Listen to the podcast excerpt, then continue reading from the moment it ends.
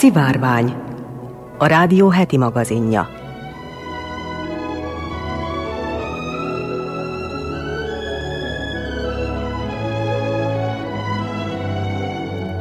Köszöntöm a szivárvány hallgatóit, Molnár Eleonóra vagyok, színes magazin műsorunk szerkesztője. Közeli lehet a Földön kívüliek inváziója a Földön, figyelmeztetnek a kutatók. Adásunk régészeti témája ma Izraelbe vezet, ahol 2000 éves leleteket találtak. Laboratóriumban modellezik Európa egyedülálló természeti kincsét, a Dunát, erről is lesznek részletek. Bebizonyították, tényleg gyorsabban múlik az idő, ahogy öregszünk, azt is megfejtették, hogy miért. A híres nők sorozatunkban ma az első orvosnőt, Hugonnai Vilmát ismerhetik meg. Érdekességként két csokis témánk is lesz. Elmondjuk, hogy bedarálta a Mozart golyó gyártóját a koronavírus, és azt is, hogy Nagy-Britániában viszont 6-9 százalékkal növekedett a csoki fogyasztása vesztegzár alatt. Vajdasági épített örökség sorozatunkban, meg Újvidék főterén maradunk a folytatásban is, Olajos Anna idegen vezetővel. Az ügyeletes csapat nevében jó vételt és kellemes időtöltést kívánok.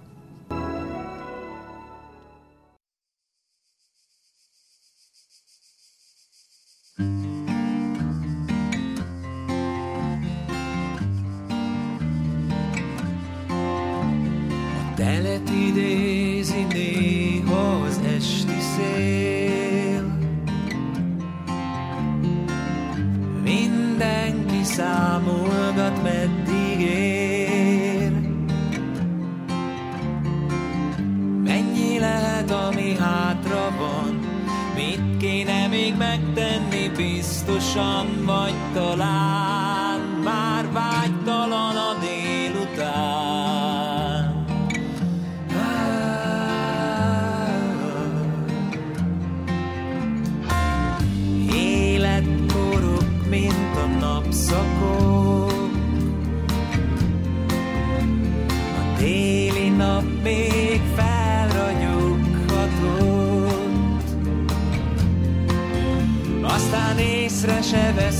és már este van.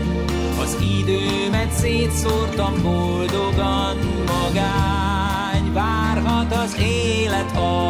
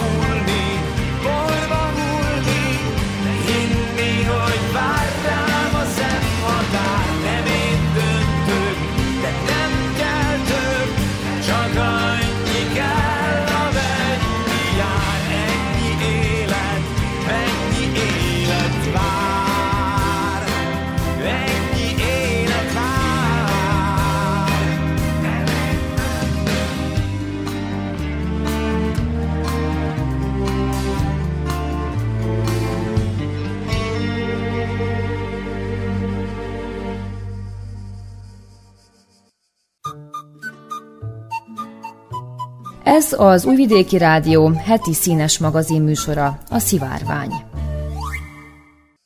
Közel a Földön kívüliek inváziója a Földön, mondják a kutatók. Más bolygókról származó idegen fajok inváziójára kell készülni, vélik a tudósok. Az emberi civilizációt azonban nem más, hasonlóan intelligens lények fenyegetik, hanem olyan mikróbák, amikkel az immunrendszerünk korábban még egészen biztosan nem találkozott. A tudósok szerint arra is ügyelnünk kell, hogy mi se szennyezzünk be más planétákat földi organizmusokkal, írja az EFL Science tudományos portál. Az Ausztrál Adelaide Egyetem két kutatója, dr. Phil Casey és dr. Andrew Wolnach úgy vélik, a fenti veszély nem egy skifi író fantáziájának terméke, hanem nagyon is valós probléma. A Földön kívüli mikroorganizmusok jelentette fenyegetésről szóló értekezésüket a Bioscience című folyóirat tette közzé. Casey szerint az elmúlt évtizedekhez képest alaposan megváltozott az űrkutatás helyzete. A kormányok mellett a magáncégek is aktívan részt vesznek a különböző űrmissziókban, ezért mindenképpen megelőző intézkedéseket kellene tenni, hogy csökkentsük az esetleges kockázatokat. Bármennyire is alacsony egy idegen fertőzés előfordulásának esélye, a következmények beláthatatlanok lennének. Természetesen elképzelhető, hogy a naprendszer többi bolygója sivár kihalt égitest, és nincs mitől tartanunk. Nem lehet azonban kizárni, hogy a Mars, az Európa vagy az Enceladus felszínén vagy belsejében mikróbák rejtőznek. Ha ezek veszélyt jelentenek az emberekre, és akaratlanul a földre hurcoljuk őket, azzal korábban nem látott fenyegetésnek tennénk ki a földi élővilágot. Jelen pillanatban azonban a költségek alacsonyan tartása miatt senki nem fordít elég figyelmet a kellő biobiztonsági intézkedésekre. Például a fertőtlenítésre, a visszatérő eszközök és minták elkülönítésére vagy a gyors reagálásra. Ugyanez fordítva is igaz, vagyis megfelelő óvintézkedések hiány könnyen mi is megfertőzhetünk más bolygókat, például a földi létformákkal szennyezett űreszközök pusztító hatással lennének egy potenciális marsi bioszférára.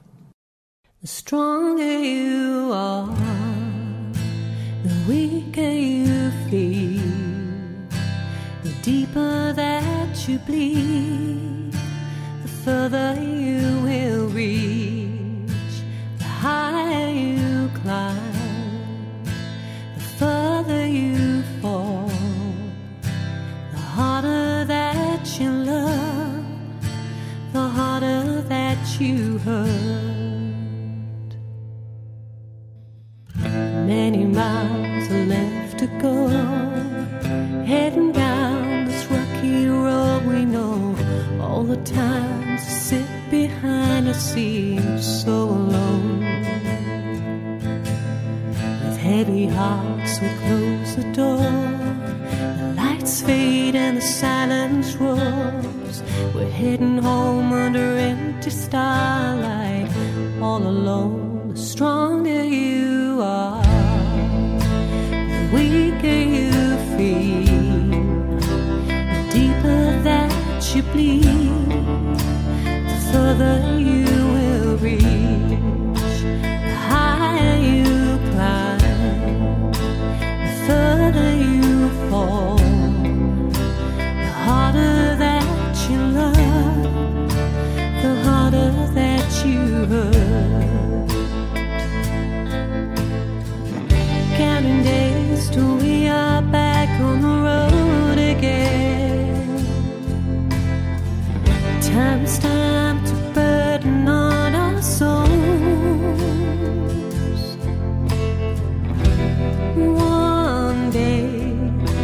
gonna make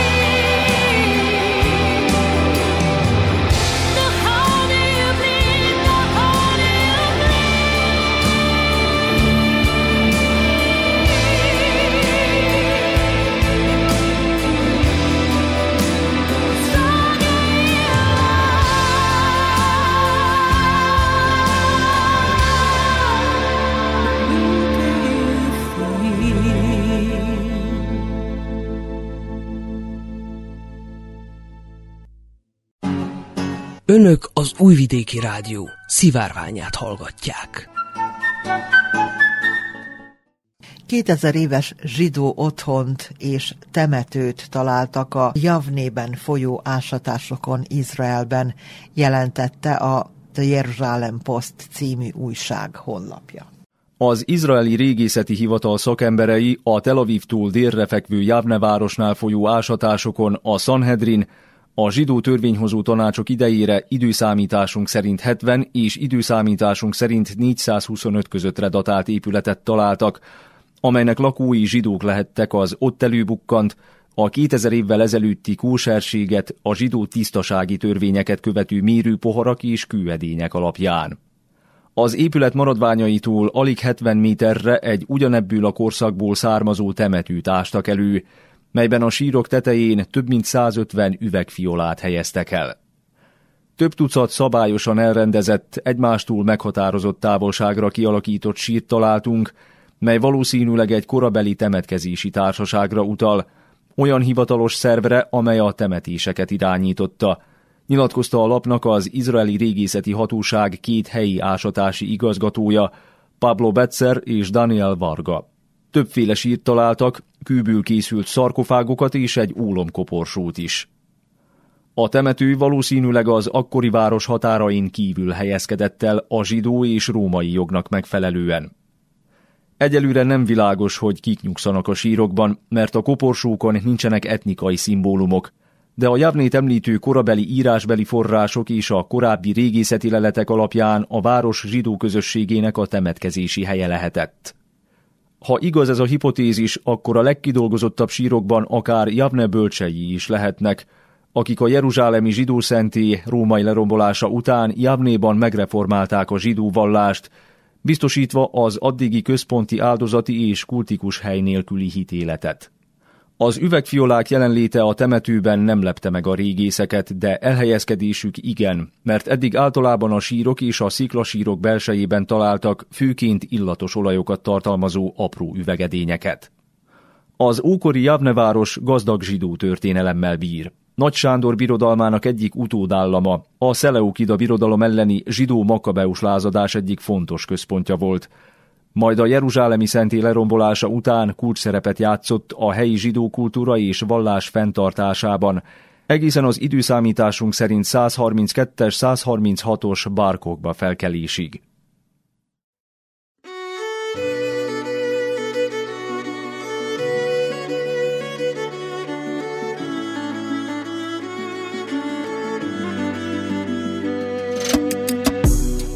Arcomon rajzol jelet az eső. Belül minden érzés lassan lámpát gyújt. A végtelenből tör nekem az idő. Néha mégis megtörten letenném a súlyt. De az álmok űznek ébren folyton tovább Érzem a lényeg itt benn, ébred közben már. Van, hogy lejt az út az örömig Mások már hiába keresik Nem könnyű, ha nincs lefestve. A boldogságunk merre menne Nem számít, ha semmi se sikerül.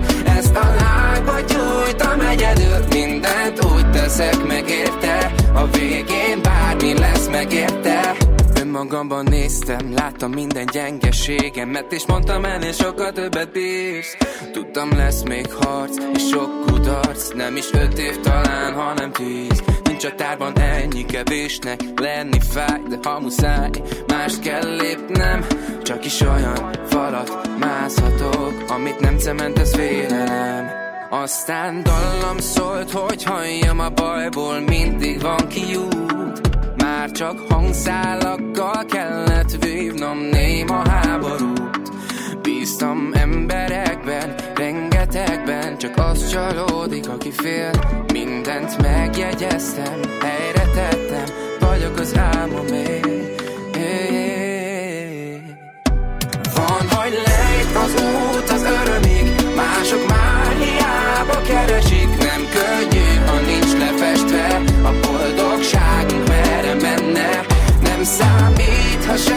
sikerül.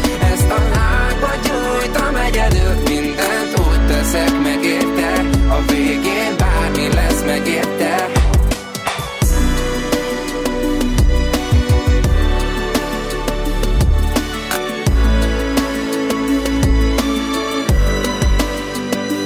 Követem a csillagfényt.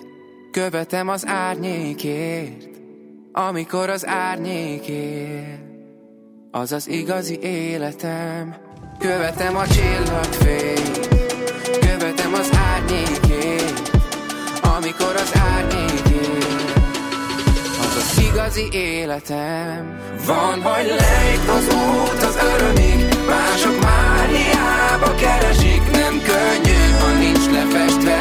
A boldogságunk merre menne. Nem számít, ha semmi se sikerül, egyedül, mindent úgy teszek megérte, a végén bármi lesz megérte.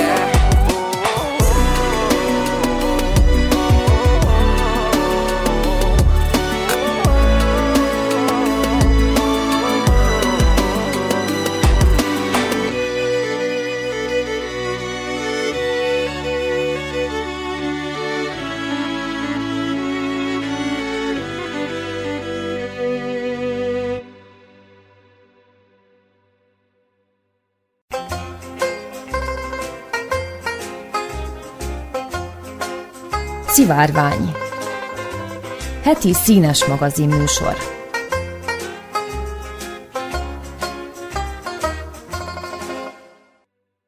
A Duna egyedülálló természeti kincs, de Európa egyik leginkább megbolygatott folyója is.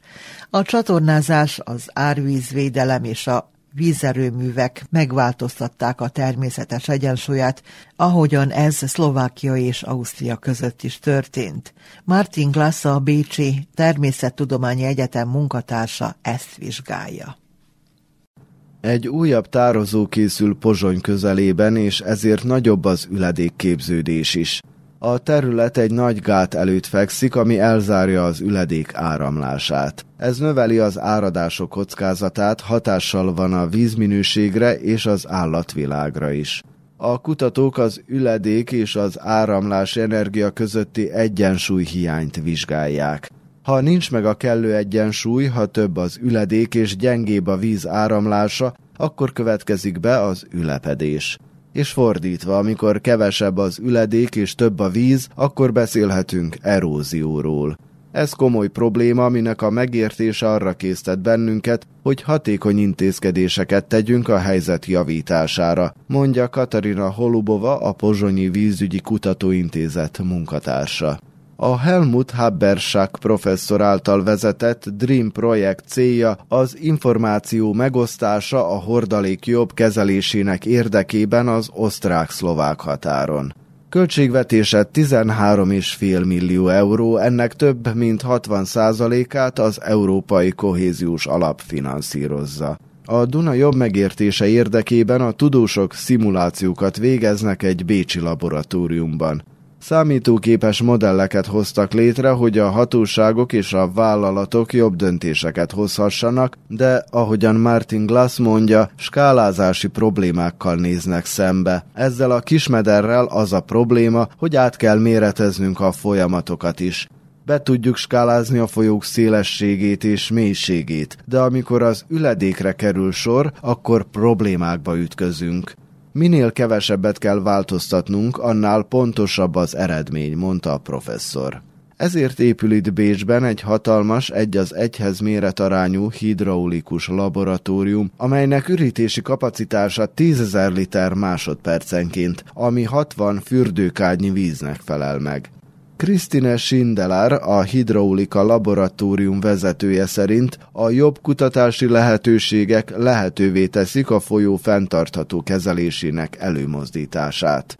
A folyók mentővet jelentenek számunkra, remek rekreációs területek az embereknek, de az állatoknak és növényeknek is. Ezért a folyórendszereket is tanulmányoznunk kell. Bízunk abban, hogy ezzel a laboratóriummal hozzá tudunk járulni a megoldáshoz, mondta a laboratórium vezetője. A tudósok remélik, hogy kutatásaik hozzájárulnak az üledék egyensúly helyreállításához a világ számos más folyójában is.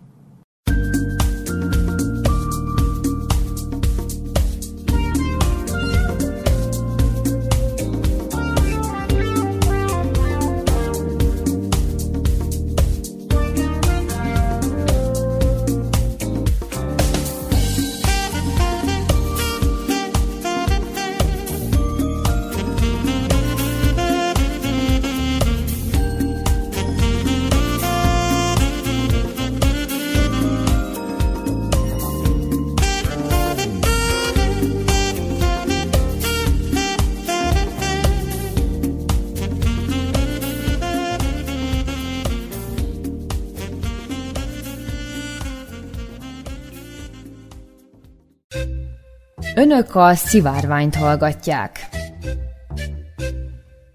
Bizonyították, tényleg gyorsabban telik az idő, ahogy öregszünk, és azt is megfejtették, hogy miért.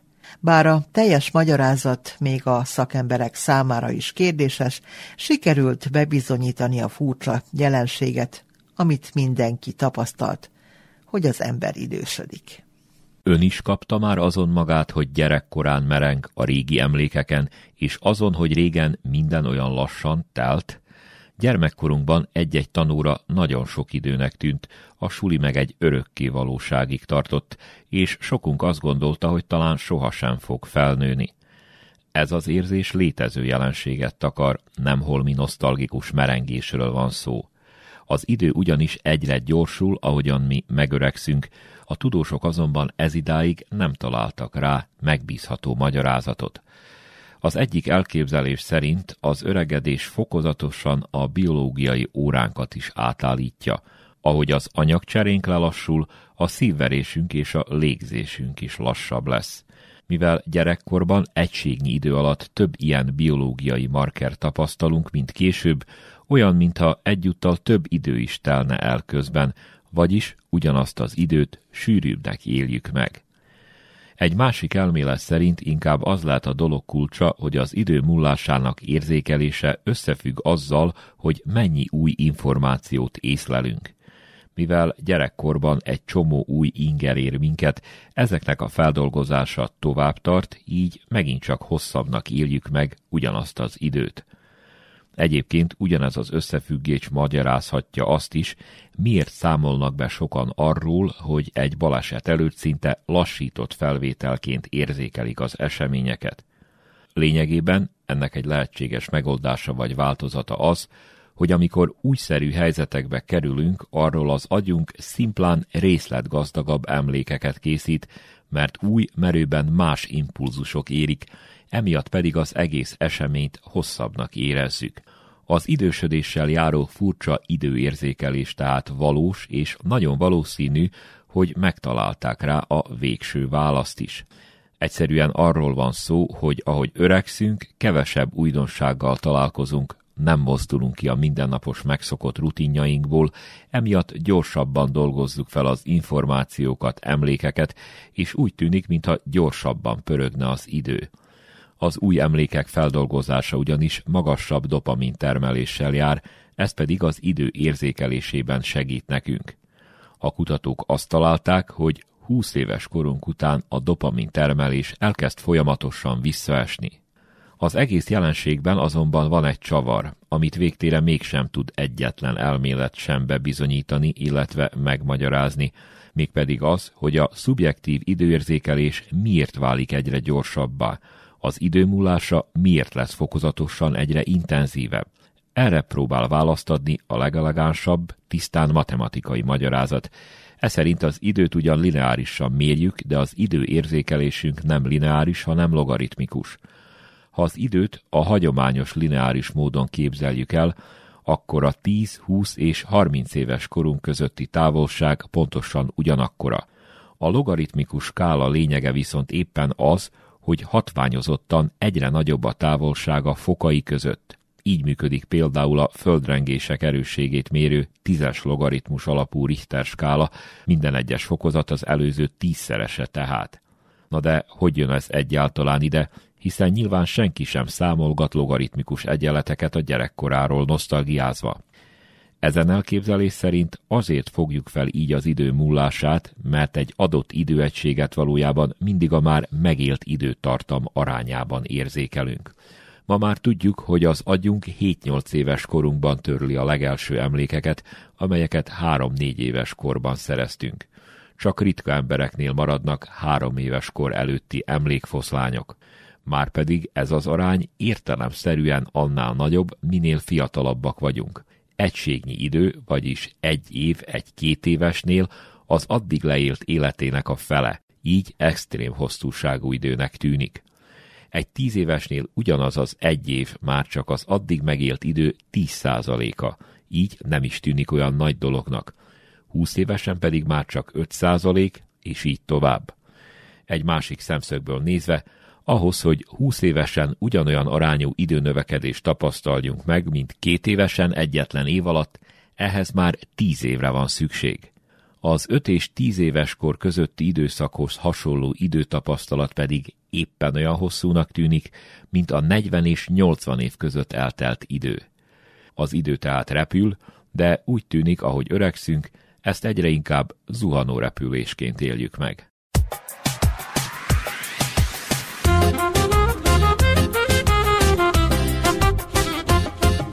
Música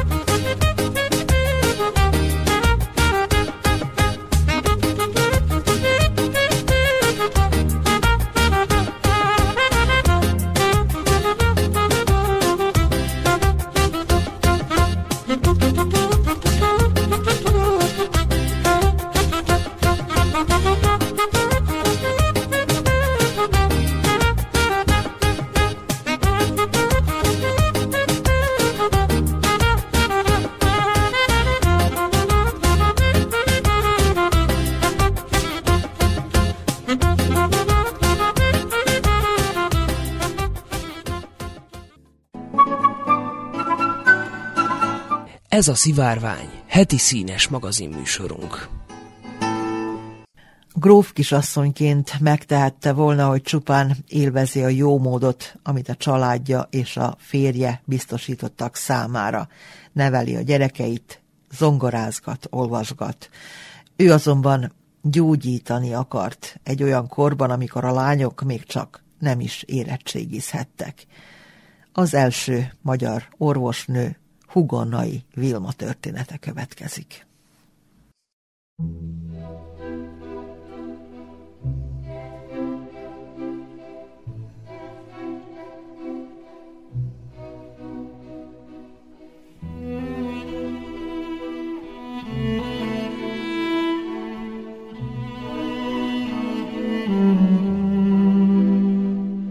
Ötven elszánt magyar nő.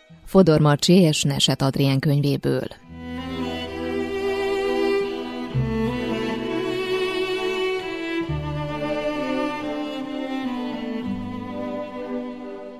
Hugonnai Vilma született 1847-ben, meghalt 1922-ben.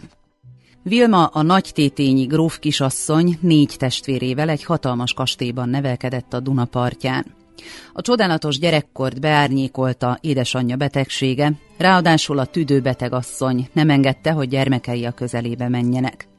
A kislánynak nagyon hiányzott az édesanyja, ekkor határozta el, hogy gyógyítással szeretne foglalkozni. Azonban sokáig úgy tűnt, mindez csak álom marad, hiszen akkoriban a lányok a legmagasabb iskolai végzettséget a leánynevelő intézetekben szerezhették meg, és az sem volt szokás, hogy az úri lányok dolgozzanak. A 19. században az úri osztály lánygyermekeit otthonukban látogatták a házi tanítók. A felvilágosodás eszméjének hatására azonban sok módos szülő leánynevelő intézetbe küldte a lányát. Itt háztartástan, tánc és illemtanórákon vehettek részt, de földrajzot, irodalmat, német és francia nyelvet is tanultak. Vilmát is beíratta a család egy ilyen intézetbe Budapesten. Négy évet töltött ott bentlakásos tanulóként, csak az iskolai szünetekre mehetett haza. Társai közül kitűnt szomjával, míg a többieket a tánc és illemtanórák kötötték le, és a férjhez menésük esélyeit latolgatták, Vilma tanult és újságot olvasott. Vilmát 18 évesen férjhez adták, ám hamar kiderült, 20 évvel idősebb, földbirtokos férjével nem illenek össze. A hangos, mulatni vágyó férfit untatták felesége olvasmányai, míg Vilma azt az életet unta, amit élnie kellett. A semmit tevést, az egymásba folyó napokat. A kor szokásainak megfelelően a gyerekeket a dajkák nevelték. Neki nem maradt dolga velük sem. Egyre másra rendelte az orvosi könyveket és újságokat, azokat bújta. Az egyik újságcikkben figyelt fel arra, hogy a Zürichi Egyetem orvosi kara megnyitotta kapuit a nők előtt. Felcsillant a remény. Vilma engedélyt kapott a férjétől és az édesapjától, hogy Zürichbe utazzon tanulni, de pénzzel már nem támogatták. Vilmának a saját lábára kellett állnia.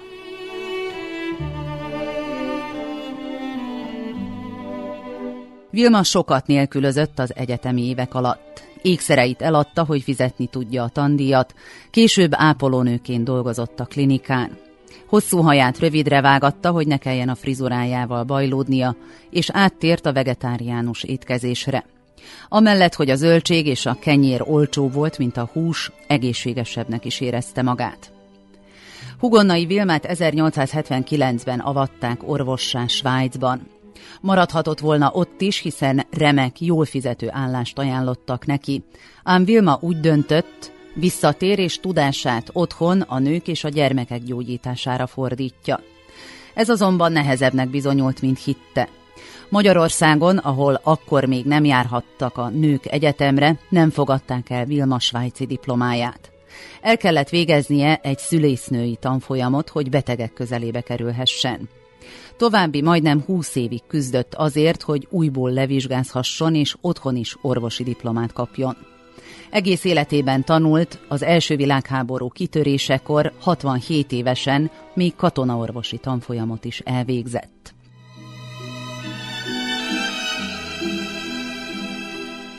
És még érdekességként elmondjuk, hogy egy spanyol lány, Julianna Morel volt az első nő, aki egyetemi diplomát szerzett. Szakdolgozatát 12 évesen védte meg, majd 1608-ban jogi doktorátust szerzett az Avignoni Egyetemen. Nem érdekelte sem a vagyon, sem a házasság, apácának állt és a tudománynak szentelte életét.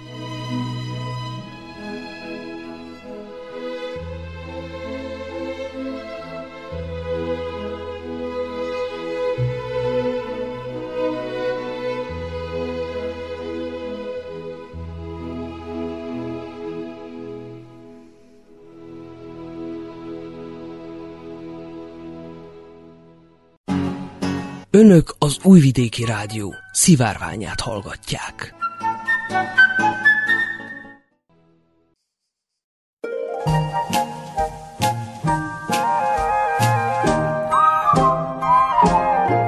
Kinn a rengeteg mínusz rökköd, de benn a kájha lágydalt zümmög.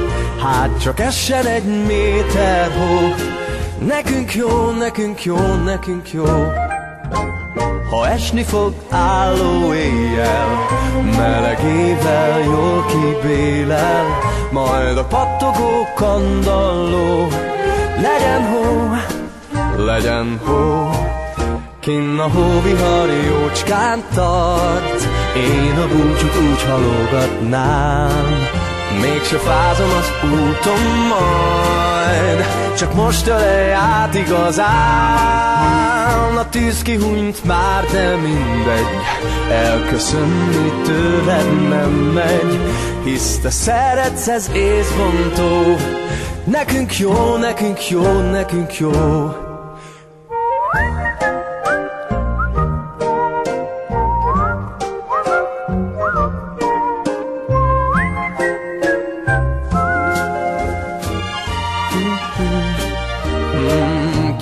a hóvihar jócskán tart. Én a búcsút úgy halogatnám Mégse fázom az úton majd. Csak most ölej át igazán A tűz kihunyt már, de mindegy. Elköszönni tőled nem megy Míg a szerelmed így forró. Legyen hó, legyen hó, legyen hó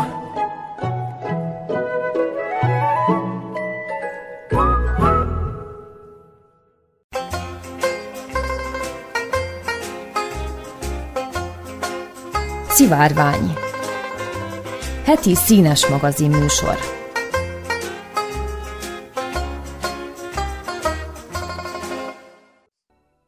Mondhatnánk, bedarálta a Mozart golyógyártóját a koronavírus. csődbe mentek. Az édesség gyártója minap jelentett fizetésképtelenséget. A helyzetet a pandémiával jött utazási korlátozások, majd az abból eredő turista hiány okozta. A csőd szélére került a Grödigben működő, a Mozart golyókat is gyártó Salzburg sokoláde, írta meg a Die Presse egyelőre nem hivatalos információk alapján. A cikkben idézik Christian Schügerl ügyvezető igazgatót, aki egy pár órával korábban megjelent levelében a 2020 óta, vagyis a koronavírus járvány első éve óta tartó problémákról tett említést. Sügerl ezekben számba veszi, hogy a pandémia miatt eltűnt turisták, a tömegével elmaradt és lemondott rendezvények, például az esküvők hiánya miatt a cég édességei iránti kereslet visszaesett, ami jelentős forgalomcsökkenéshez vezetett.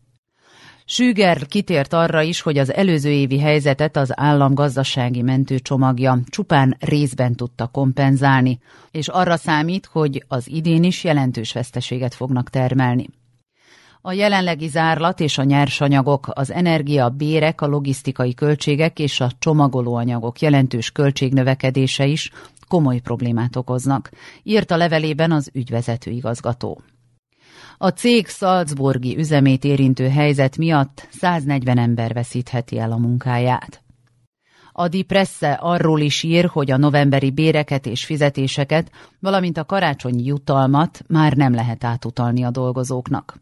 A Salzburg sokoláde vállalatot 1897-ben alapították, akkor még Reisigle Süßwarenfabrik néven Salzburgban.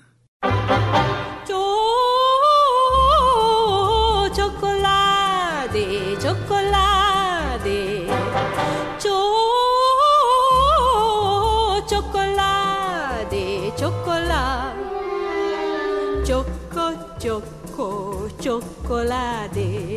Ó, szinyóra vegyen magának, s a fiának csokko, csokko, csokoládét, mert ez az igazi jó. Csokko, csokko, csokoládét, ó, hogy édes szájú legyen, csak ilyet vegyen, csokko, csokko, csokoládét, benne finom mogyoró. Minden lány szeszélyes, mind édesre éhes, száz vagy százhúsz éves mégis kell. Kell neki a, kell neki a csokko, csokko, csokoládé. Ó, szinyóra vegyen magának, s a fiának csokko, csokko, csokoládét, mert ez az igazi jó. csokoládé,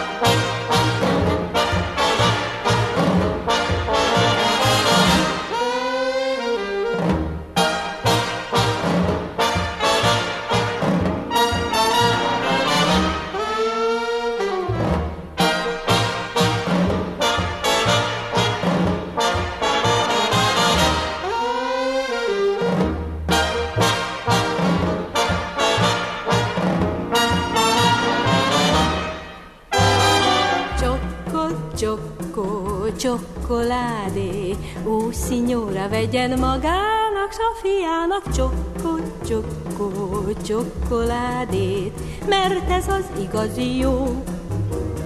Csokkó, csokkó, csokoládé, ó, hogy édes szájú legyen, csak ilyet vegyen, csokkó, csokkó, csokoládét, s benne finom mogyoró. Minden lány szeszélyes, mind édesre éhes, száz vagy százhúsz éves mégis kell. Kell neki a, kell neki a csokkó, csokkó, csokoládé, ó, szinyóra vegyen magának, s a fiának csokkó, csokkó, csokoládé, mert ez az igazi jó. Csok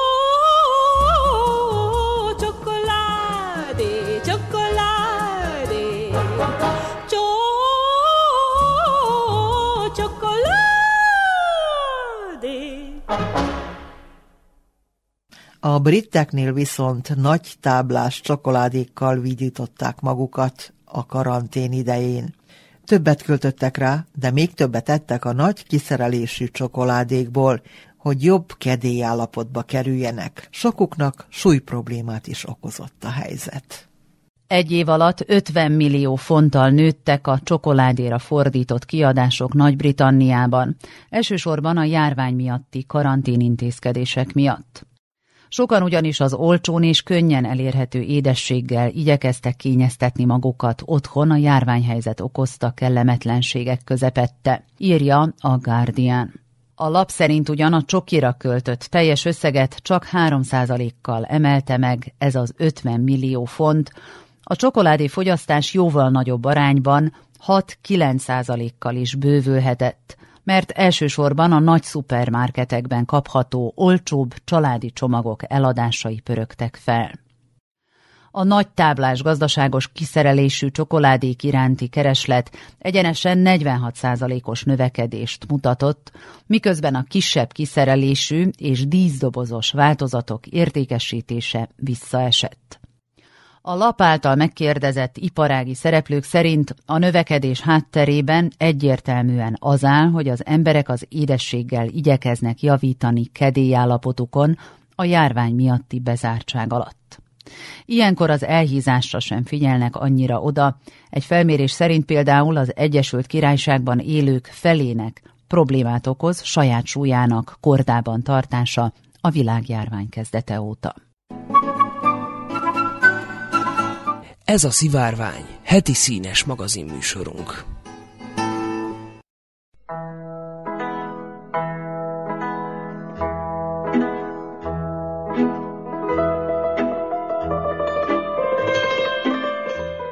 Vajdaság kuriózumai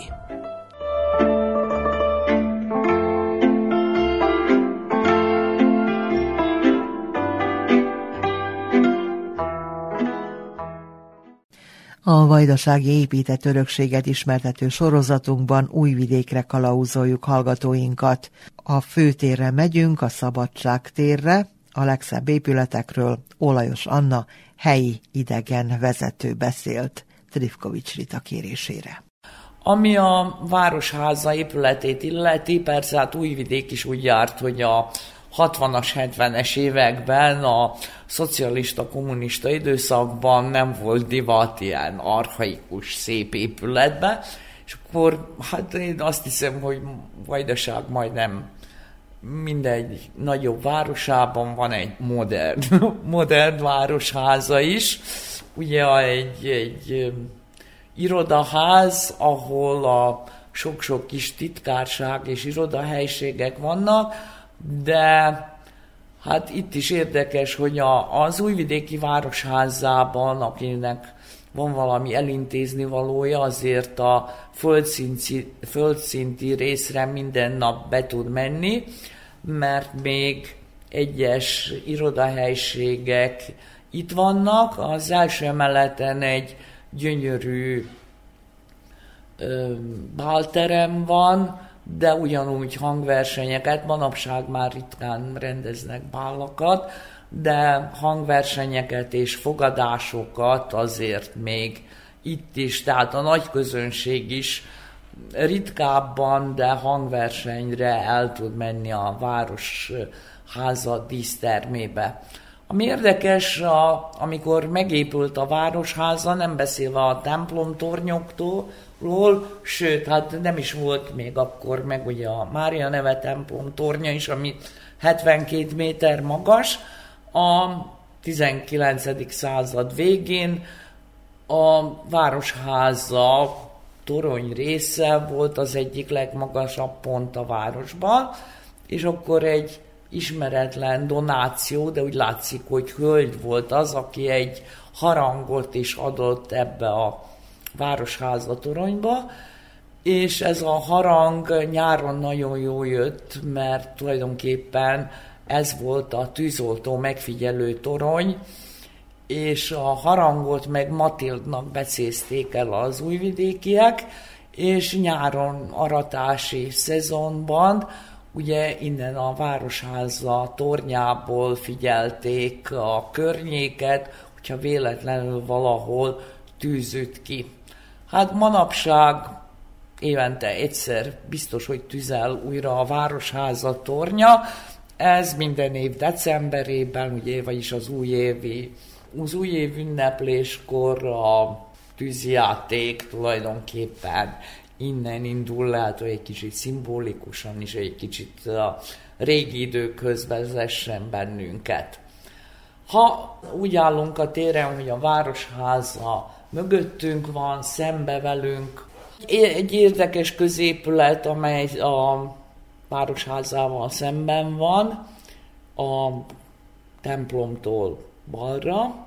Ez az úgynevezett vasemberhez címzett középület, amely szintén a századfordulón épült, azzal, hogy Újvidékre sajnos nem annyira jellemző az akkor divatos szecesszió, tehát az a tipikus magyar szecesszió, amit Szabadkán találunk, Újvidéken csak egy néhány középületen, egy inkább egy kicsit visszafogottabb, megjelennek ezek a virágminták, de annyira csempék ritkán jelennek meg. Na ez a vasemberhez címzett ház szecessziós stílusban épült, de mondom, egy kicsit puhább, kevesebb díszsel, de az épület egyet, egy fő dísze tulajdonképpen egy középkori vértmásolat, tehát egy középkori harcosnak az összes védő részei, hogy úgy mondjam, a vért, a sisak, többi, és úgy néz ki, mint egy vitéz. Mondhatom, hogy amit, ahogy utána néztem, ugye Újvidékről a elsőként Érdújhelyi Mennyért írt leírásokat, és nála már ott találjuk, hogy az 1848-as, 49-es szabadságharc éveiben a mai Nyegoseva utcát úgy hívták, hogy a Vasemberhez címzett utca, és hogy ez a vasember már ott állt az akkori épületen. Tehát a mostani saroképület, ez a szecessziós épület helyén már létezett a 19. században is, csak akkor egy kicsit lejjebb volt mindjárt az első emeletnél. Ez még látható régi fotókon is, és utána, amikor megépült a, az új palota, akkor fölemelték a második emelet szintjére egy, egy atikába, tehát 16 méter magasságban van ez a vasember. Nincsenek semmi, semmiféle hadi szerepe, semmilyen katona, semmilyen vitéz nem járt erre, hanem úgy látszik, ez egy jó marketing volt a 19. században is, hogy itt ilyen vasas kézművesek, utána ilyen vas, vasáróbolt volt, és tulajdonképpen valamelyik mesterember egyszerű bádokból megcsinálta ezt a céhjelet. Tehát a vasember tulajdonképpen egy céhjel volt, és mondhatjuk, hogy ides tovább már több mint 160-170 éve ott áll és őrzi valamelyik épületet. Tehát az épületek már változtak, de a vasember maradt.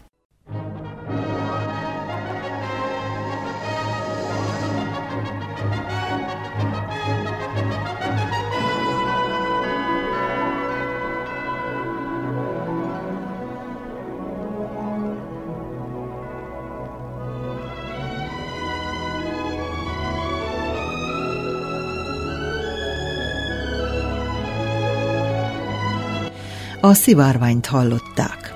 Heti színes magazin műsorunkkal egy hét múlva jelentkezünk ismét.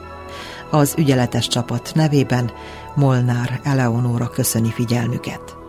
Kellemes hétvégét kívánok!